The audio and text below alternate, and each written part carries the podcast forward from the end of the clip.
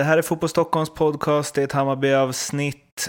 Vi vill säga till er att ni ska ladda ner vår app. Den är skitbra, enkel, man kan ställa in på att få pushnotiser om Hammarby-nyheter och så vidare. Superduper helt enkelt. Inga invändningar där, Oskar? Nej, jag tycker det var en eh, föredömlig rekommendation. Det är en app så som jag skulle vilja ha den. Det är därför du har den så. Mm, det finns ett samband där, helt klart.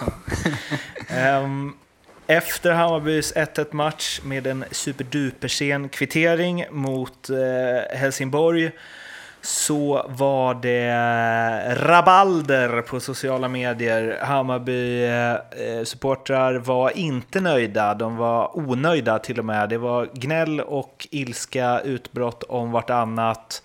Och där däremot har du invändningar. Ja, det får ju en undra om vi såg samma match egentligen. För att de här reaktionerna, nu vet man ju inte hur representativa de är såklart. Alltså, det är alltid de som tycker mest som hörs mest också. Det är ju ganska klassiskt att fungera på det sättet. Men det var ju många som skrev på det här sättet, om man kollar på sociala medier eller forum som sagt. Och det var ett jävla tonläge. Och visst, om man möter Helsingborgs IF på bortaplan visserligen, men om man möter dem och sen räddas via ett sista sekunden-mål, eh, som eventuellt var offside också. Det var offside va, eller vad har vi landat i där? Pass. Okej, okay. ja, jag, jag, tror det var offside. Eh, men det har inte vevat så många bilder på det. Men hur som helst, att man fixar den där poängen med minsta möjliga marginal i slutändan då. Ja, det är klart att det inte är så bra. Men nu kommer ett gäng män här. Mm. Vi kan ju börja med Helsingborg. Ja, de är inte så jävla dåliga ju. De var Nej, de är, dåliga. De var jättedåliga. De hade ju liksom... Ja, vad hade de i början? Sju, åtta borta från startelvan. Mm. Och ett nytt eh, bygge. Alltså det var ju rent parodiska skadesituationer som de hade till en början. Parodiskt försvarsspel också. Ja, och då det... var det ändå så att de inte gjorde några mål. Och ändå var väl försvarsspelet det som var sämst i början.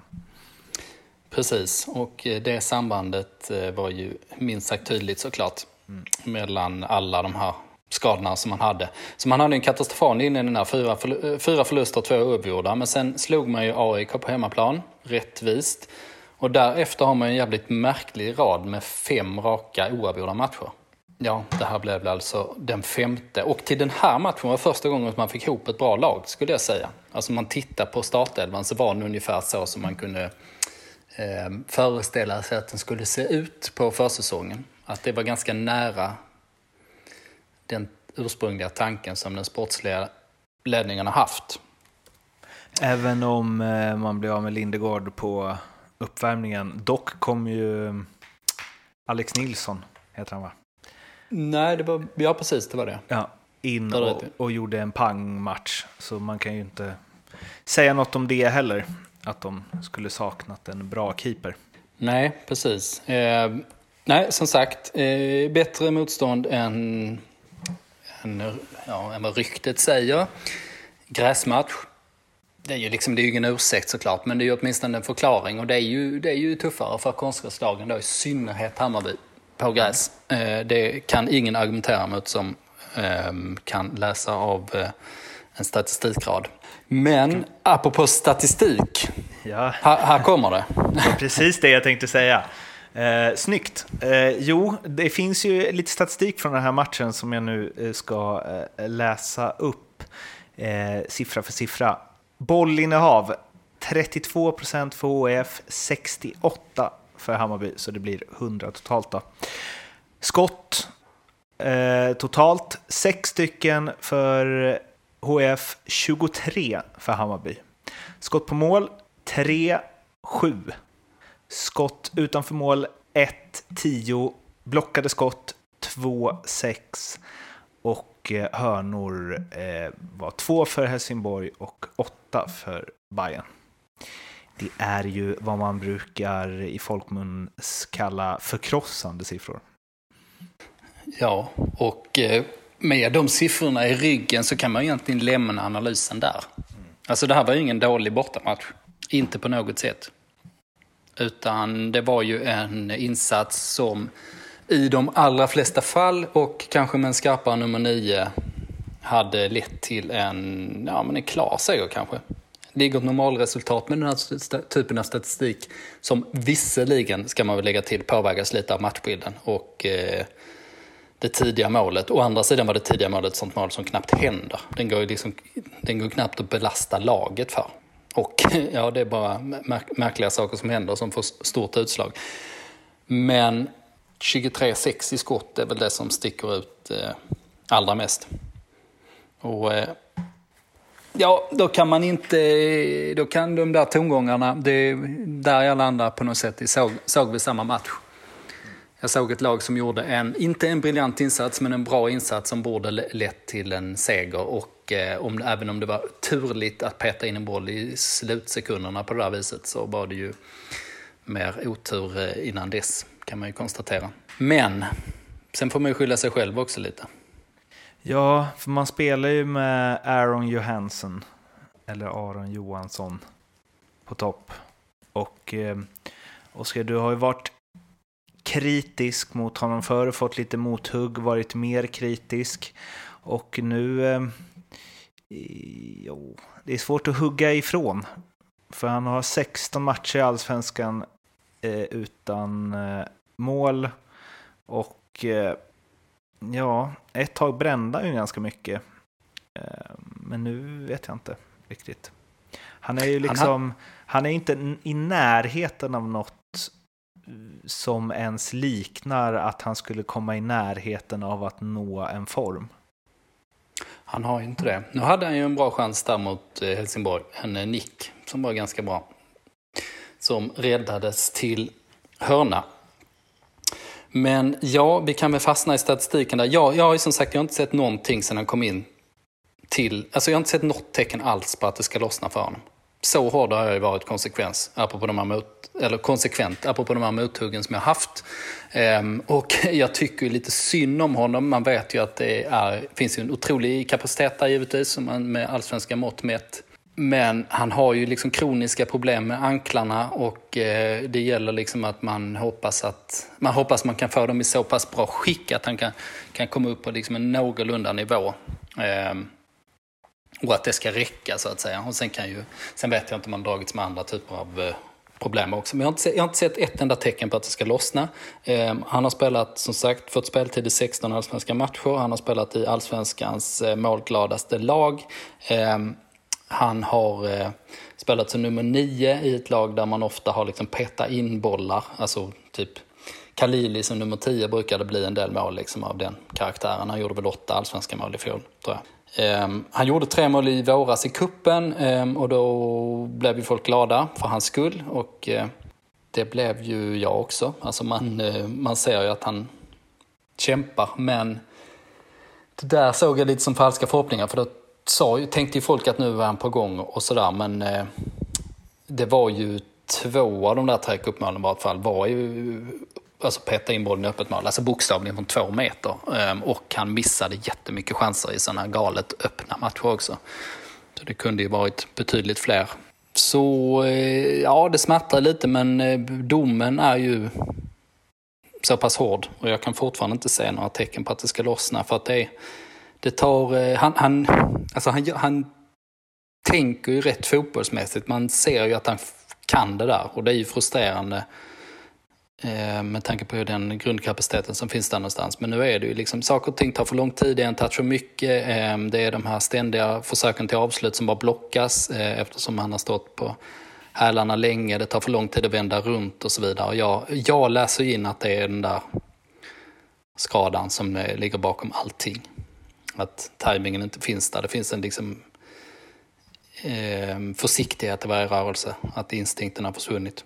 Och i den här matchen Ja, du och jag pratade ju om det. Eh, vi trodde ju att HIF hade, inför matchen ju, att HIF hade en jättebra chans att skrälla eftersom Hammarby kommer att vara så pass uddlösta. Sen har ju Kasaniklic som vi kommer till, han är ju inte i form och eh, Rodic, eh, ja både han och Kasaniklic har ju helst spelat i höger och Ayman Shel som kom in är ju inte riktigt naturligt till vänster heller. Så, så det, det, fanns, det fanns ju rätt mycket som tydde på att det skulle vara eh, trubbigt där framme när Gustav Ludvigsson inte startade helt enkelt. Och skillnaden när Gustav Ludvigsson kom in såg man ju på en minut. Vår favvo. Ja, det är ju ett märkligt läge vi har kommit i att Hammarby har gått och blivit Ludvigsson dependent. Gurra dependent. ja. Men det är ju så, det, Paulinho skulle man ju kunna spela som nia också. Inte optimala, men det hade ju, det hade ju gått såklart. Ehm, men nu är det ju Ludvigsson som, eh, som man äh, står, ja, står och faller lite med nästan, alltså i offensiven. Mm. Det är ju logiskt när man tittar på Hammarbys matcher, men inte kanske vad man hade eh, satt sina eh, slantar på inför säsongen direkt. Nej, vi har nog inte kommit dit. Ehm, däremot trodde jag ganska mycket på Ludvigsson, eh, bara efter att ha pratat med folk som har koll på Superettan, där de tyckte att han var den bästa spelaren och det när man pratar med ehm, folk som följt honom så var alla övertygade om att Hammarby hade gjort ett eh, kap. Så man kanske inte ska vara helt överraskad ändå att, att han bara att han är en bra spelare helt enkelt. Men eh, man, han eh, hade ju, inte, hade ju inte anat att han skulle liksom vara så självklar etta i hierarkin. När han kom in var, det fanns ju en eh, Nikola Djurdjic också ta hänsyn till exempel.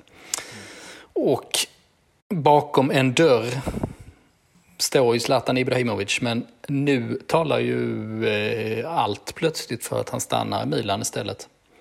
Det verkar ju som att Milan har ju hittat en jävla form på slutet, alltså nu efter corona och har tagit sig upp på Europa League-plats och eh, verkar ha lite framtidstro och sådär liksom från att man verkligen var den här jätten i kris. Och det verkar ju vara faktorn som triggar Zlatan. Det har ju varit ganska lätt att läsa mellan raderna också. Och, och det känns ju som att det har funnits två alternativ, två huvudalternativ och det är Milan och Hammarby. Och när Milan-situationen ser ut att ha svängt så talar nu det mesta för att han kör vidare där. Andra spelare förutom Aaron Johansson som uh, får kritik, Dajan Bojanic. Uh, men vi är på hans sida. Ja, jag tyckte han var okej okay, i alla fall. han hoppade in. Det var inte alls så starkt som, som det utlovades en sekund innan. Men ja. Det här är grå, gråzonernas podcast ibland. Mm. Nej, men jag, jag tyckte han, eh, ja, skaplig insats eh, från inhoppet. Och, och, det blir ju så, men han, han är ju en sån som eh, folk gärna pekar på när det går dåligt eftersom han ser rätt slapp ut helt enkelt. Jag tror det är mycket det som ligger honom i fatet. Så att eh, den, det visuella intrycket man får ligger honom lite i fatet. Japp. Eh, Kacaniklic däremot, som vi haft uppe innan. Vi bad ju om... Eh, vi förstår ju inte riktigt varför han inte har varit så bra som vi tänkte att han skulle vara och bad ju om input från eh, lyssnarhåll. Och input fick vi. Ja, vi fick det. Den här eh, mejlaren mm. har svaret nämligen. Stefan eh, har mejlat mig, Hammarby supporter. Han skriver så här. 1. Allmänt dålig form. Det som syns är att han missar avslut, det som inte, inte syns är det som inte görs. 2. Eh, högerback med sena överlapp. Sandberg eller Tim går inte iväg tidigt när bollen är hos mittbackar eller central defensiv mittfältare. Överlappen kommer sent jämfört med förra säsongen och då är motståndarna organiserade. Det vill säga hans rörelse inåt är in i ett område som är bevakat fullt. Fullt bevakat. 3. Få snabba, omstä få snabba omställningar i hög fart med ett tillslag. De öppna ytorna på andra sidan existerar bara i 5-10 sekunder och om inte både boll och spelare rör sig fort framåt i planen blir denna yta bevakad, det vill säga försvarande ytterback i motståndarlag alternativt yttermittfältare hinner täcka ytan. 4. Momentumspelare. Han verkar vara en momentumspelare. När han är på så flyger han. 5. Konkurrenssituationen är på höger ytter mycket svag. Det var alltså Stefan Billborns mejl det där, eller? Ehm, ja, i så fall har Stefan Billborn valt en jävligt intressant synonym. Jag vet inte om den här mejlaren eh, ville vara anonym eller inte, så vi, vi nöjer oss med Stefan. Ja. Men eh, ja, det kan ju vara, kan ju vara Billborn. Att han har outsmartat oss genom att eh, ligga så nära sig själv. Skandiamannen-taktiken. Att man dyker upp på mordplatsen direkt efter. Det är ju... eh, ja. Det var en oväntad turn, men jag kom bara på det. Eh, När jag... Ja, det får man säga. Men den här analysen, det ligger väl mycket i den. Det var Bra en, analys. eh, mm, den var eh, ganska... Ja, men det var ju de själv, eller självklara grejerna, men det var de ganska tydliga grejerna som man kan... Alltså var, var, eh, analyserna i sig är ganska enkla, så ska jag säga, men sammantaget så ger de kanske svaret. Eh, att det eh, ligger till på det här viset. Och eh, det kan ju vara att jag är lite feg också och säger att jag bara inte förstår eftersom jag själv pekar ut honom som att jag trodde han skulle vara vårens spelare. Jag har ju haft fel här uppenbarligen.